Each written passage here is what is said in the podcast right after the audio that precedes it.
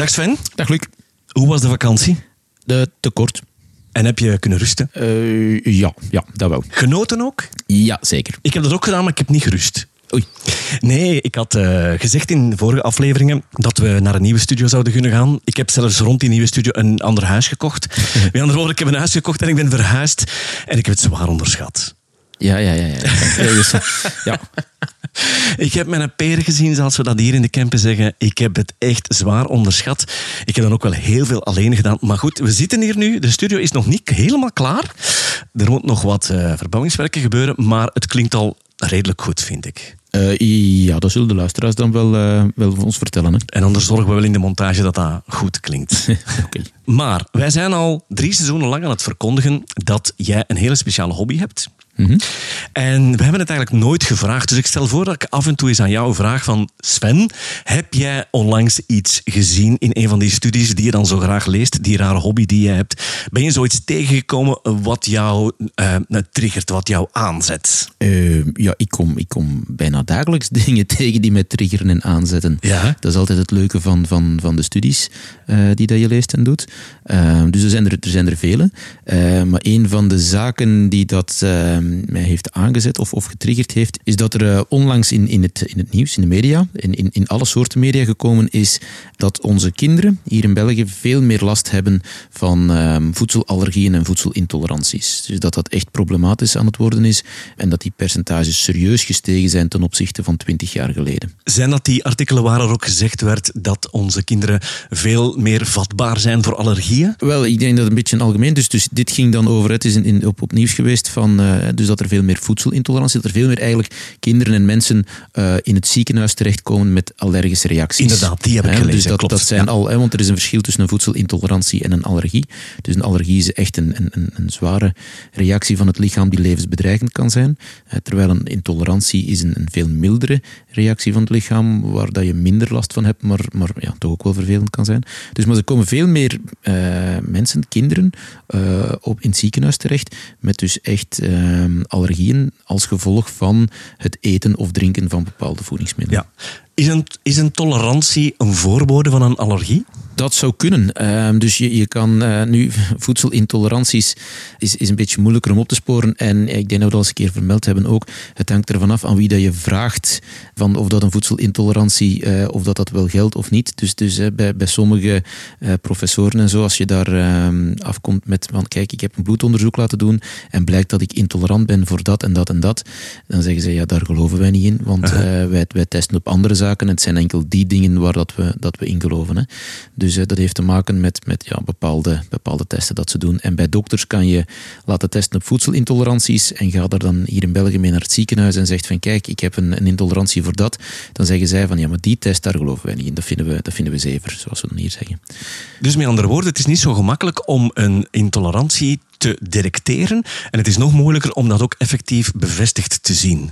Wel, het probleem met een intolerantie is dat, dat mensen vaak heel vage klachten hebben.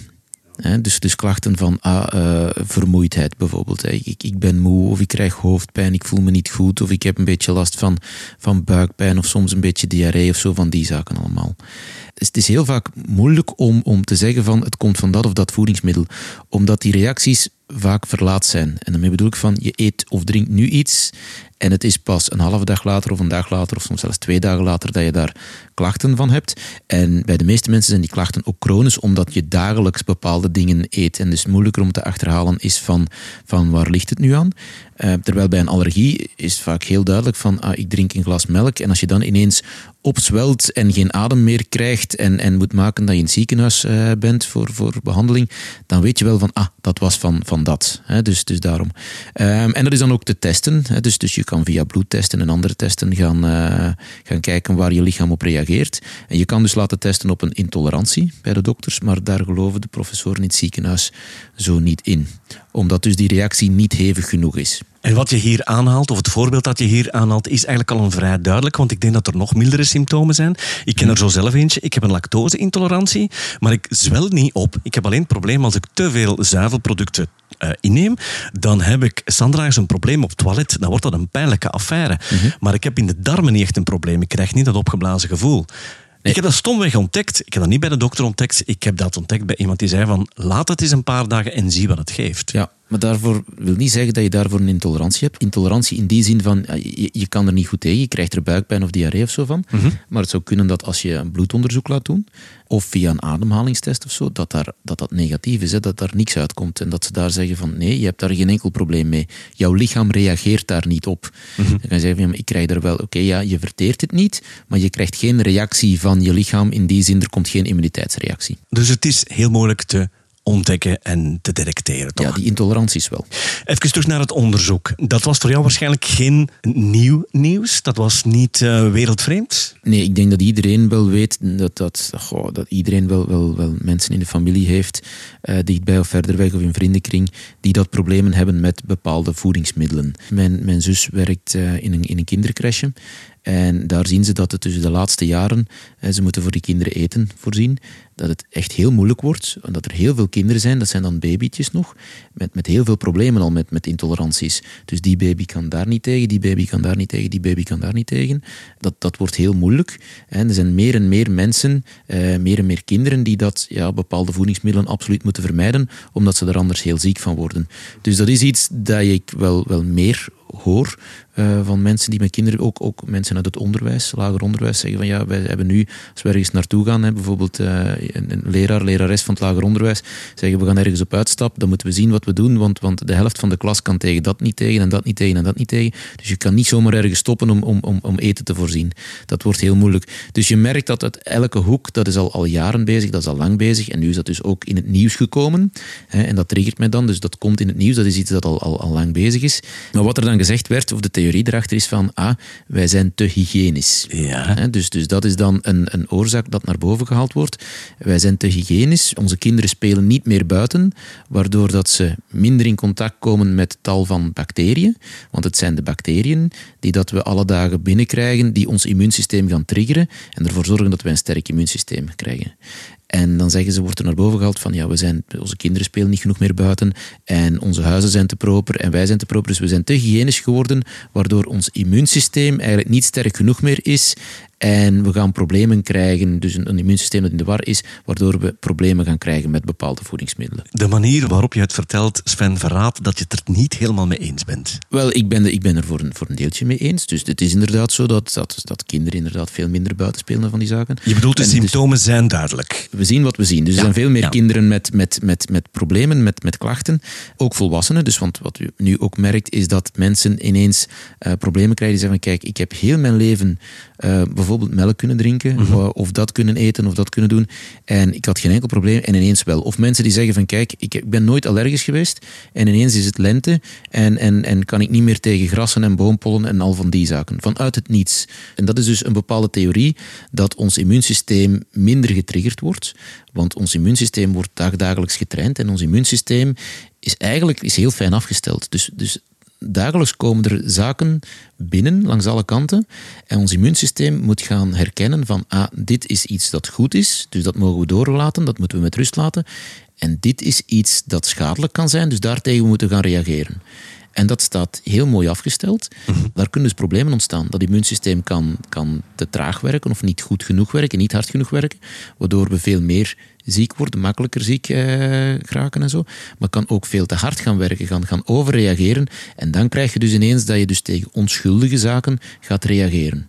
Waar je vroeger wel tegen kon. Ja, waar sommige mensen vroeger wel tegen konden. Ja. Het, het, hoort er wel bij, hè. dus onze levenswijze is veranderd. Hè. Wij, wij, wij worden minder blootgesteld aan tal van bacteriën en andere zaken. Maar ik vond het een beetje eenzijdig. Ik vond een beetje van, ja, er wordt enkel op dat gefocust. En er wordt veel minder naar, naar andere zaken nog gekeken. En dat is hetgeen dat mij dan een klein beetje stoort. Mag ik er dan van uitgaan dat jij in het verleden nog onderzoeken hebt gevonden die op een andere manier uh, de bewijskracht leveren, waarvan je zegt, ja, dit is wel heel simpel uitgelegd, want de oorzaak zit toch wel ergens anders of dieper? Wel, er zijn altijd meerdere oorzaken. Hè. Ja. We hebben het er al vaak over gehad. Dus, dus uh, onze darmen zijn eigenlijk, daar, daar zit een heel groot deel van ons immuunsysteem in onze darmen. En daar wordt dan bijvoorbeeld nu hè, op in de media zo goed als niks van gezegd. Het gaat over van, ah, we, zijn, we zijn te proper, we, we, wassen ons te vaak, of ons, wij, wij ontsmetten ons, ons huis te veel, we, we, gebruiken bepaalde producten om de bacteriën in ons huis dood te doen. En wat er dan niet gezegd wordt, is van, ja, maar ja, we geven onze kinderen van kleins af aan antibiotica, waardoor we al de bacteriën in ons dood doen. En, en dat is ook een heel grote oorzaak van de problemen die dat we nu zien. Want ons immuunsysteem zit in ons, zit in onze darmen. Als wij daar antibiotica op gooien om een of andere bacterie die ons ziek maakt dood te doen, doen we alles dood. Mm Voor alle duidelijkheid, ook de goede bacteriën. Ja, ja, dus ook die goede bacteriën. En, en wij veranderen daar ons immuunsysteem. En dat is dan het ding. Dus je kan gewoon, die, er zijn heel veel uh, studies die, die aanwijzen van kijk, een, een verandering in ons, ons microbioom. En het microbioom is dus eigenlijk de samenstelling van onze darmbacteriën en de bacteriën in ons lichaam. Dus, dus een verandering daarin um, kan voedselintoleranties en allergieën uh, teweeg brengen. Wat er ook naar boven komt, hè, er zijn ook tal van studies van. Dus de, de lekkende darm, daar hebben we het al over gehad. Als je een lekkende darm hebt, kan je uh, voedselintoleranties en voedselallergieën krijgen en ook allergisch worden voor andere zaken. Mhm. En dat stoorde mij dat dat niet naar boven komt. Dat, hè, dat het enkel is van, ah ja, we moeten misschien minder, uh, minder ons huis poetsen en, en meer onze kinderen terug, terug buiten sturen. Allemaal goed en wel, maar als die kinderen dan, hè, die kunnen buiten zijn, maar als ze dan ziek worden, ze verkoudheid krijgen in de winter en we geven ze meteen antibiotica, ja, dan gaan we het volgens mij nog niet opgelost krijgen. Je zou kunnen stellen dat het een goedkope manier van nieuwsgaring was, die uh, klassiek is in de zomer of in de komkommertijd, zoals ze dat dan noemen, waarbij dat de journalist eigenlijk niet diep genoeg gegraven van heeft en toch iets heel oppervlakkig heeft uh, um, gebruikt. Goh, ik weet niet of dat de journalist dan niet diep genoeg gegraven heeft, uh, want er worden wel degelijk daar, daar uh, professoren aan het woord geladen en, en die zeggen dan van, ja, dat komt dan naar boven, we zijn te hygiënisch en we zijn dit en we zijn dat.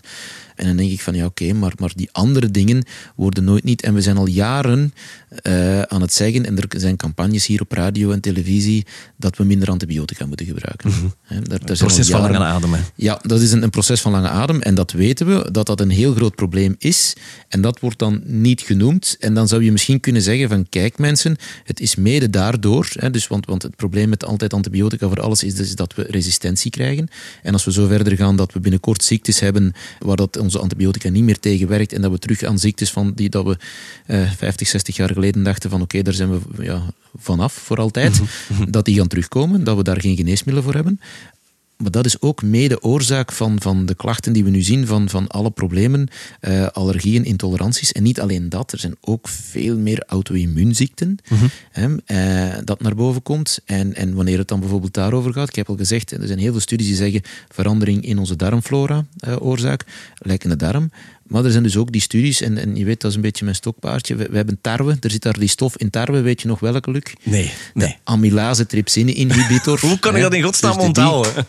dus waarvan dat dus, dus al, al vaak bewezen is van, kijk, dat veroorzaakt ontstekingen in onze darm. Veroorzaakt dus eigenlijk ook een lekkende darm. Vooral tarwe dus. Dus vooral tarwe. Koekjes. Uh, Nee, brood, ja, dus alles. Uh, pistolets op zondag. ongeveer alles. Je mag, bekijk vanaf nu maar de verpakking, zit op heel veel zaken in. Dus vooral tarwe die dat uh, het probleem veroorzaakt. Maar ook, en dat komt ook in die studies naar boven, uh, tal van ontstekingsziektes en tal van auto-immuunziekten kan verergeren en, en zelfs ja, mede oorzaak zijn. En dat staat gewoon gepubliceerd. En daar wordt nooit niks van gezegd. En dat vind ik dan heel jammer, dat als we dan toch zaken in de media brengen, dat we misschien eens keer gaan uitleggen van kijk mensen, we hebben het voor een deeltje zelf in de hand. En dat begint van, het, ik weet het is gigantisch vervelend als je kind van drie, vier jaar een oorontsteking heeft of ziek is. Dat wil niemand niet. Je wilt, ik heb ook kinderen, je wil, die, je wil die helpen, je wil die daar niet zien, zien pijn lijden en zien huilen en weet ik wat. Mhm. Maar je moet beseffen van ja, als je dat dan op die moment een hele hoop antibiotica geeft, dat misschien ja, dat ervoor zorgt dat enkele jaren later dat er bepaalde intoleranties, allergieën of andere problemen gaan ontstaan. En dan moeten we eens een keertje gaan nadenken van ja, is het dat dan waard? Zou het kunnen zijn dat hetgeen wat we al in de vorige 60 afleveringen hebben gezegd, dat dit zou kunnen in het algemeen verbeterd worden door de voeding aan te passen? Want dat is wat jij ook altijd zegt. En daar maken we ook deze podcast voor. Ja, dus we weten, hè, dus, dus verandering in het microbioom um, is mede oorzaak van voedselintoleranties, uh, allergieën, dus voedselallergieën, maar ook andere allergieën. Dus, dus dat weten we, dat daar, daar veranderingen in onze darmflora mede oorzaak van zijn. En wat hebben we nodig voor een goede darmflora? Wel, dat vezels? Zijn heel veel vezels, ja. Dus wat, we eten groenten. Dus daar begint het al bij. We weten nog altijd, de meeste mensen eten veel te weinig groenten, veel te weinig vezels, waardoor dat onze goede bacteriën te weinig eten hebben en dat we een verarmd microbioom krijgen. wat is er voor de rest nog schadelijk? Ja, dat is antibiotica en dat gebruiken we langs alle kanten. Ja, dat haal je dus, uit de dus- studies, hè? Ja, ja dus dat, dat staat daar gewoon allemaal zo in. Uh, dus, dus onze antibiotica is niet goed voor onze, voor onze darmen. Ehm, wat is er nog niet goed voor onze darmen? Uh, dat is stress. Hè. En daar hebben we dan als volwassenen, ik zeg nu volwassenen, maar heel veel kinderen hebben ook al last van stress.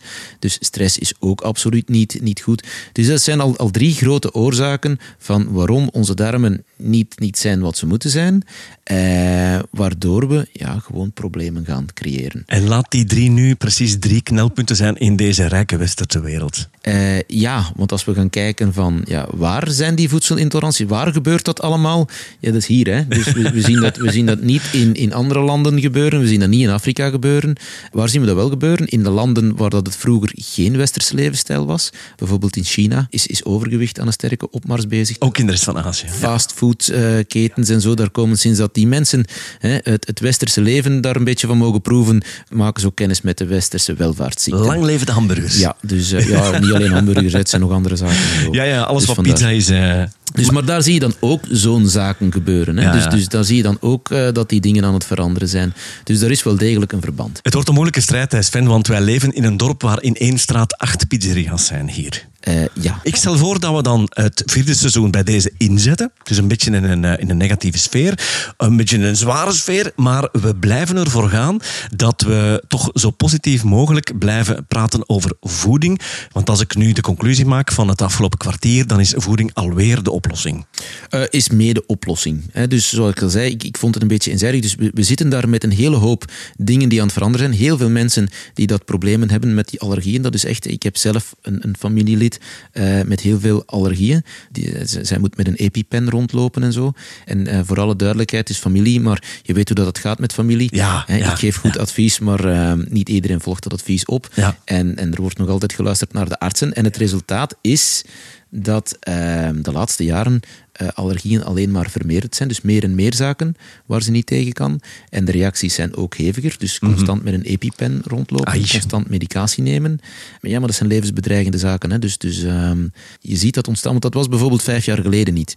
Dus opeens is dat, en als je dan vraagt van ja, maar Waar, hoe, hoe zeggen, wat zeggen de dokters van hoe komt dat in één keer dit? Ja, dat weten ze niet. Hè. Het, het, het is gewoon zo. Tegenslag. Ja, tegenslag. Maar hoe komt het dat je vijf jaar geleden dat wel kon eten zonder dat je daar een reactie van had? En als je dat nu eet, ja, ga je dood. Ja, dus er is in vijf jaar tijd, heeft dat lichaam gezegd, toen vijf jaar geleden was dat nog gewoon eten. En nu is dat in één keer zo levensbedreigend dat het uh, ja, zo hard gaat reageren. Uh, levensbedreigend, is dat, is dat zo'n grote vijand geworden dat het lichaam zo hard gaat reageren dat het zelfs zichzelf zou willen opofferen om toch maar hè, die vijand dood te doen. Dus een beetje... Het is heel menselijk dat ze jou gaan bekijken als iemand die er niks van weet. Wat weet onze Sven nu van ortomoleculaire toestanden? Eh, klopt, ja. Want jij zegt ook al van zolang ik jou ken dat onze voedingskwaliteit er de laatste decades heel erg op achteruit is gegaan.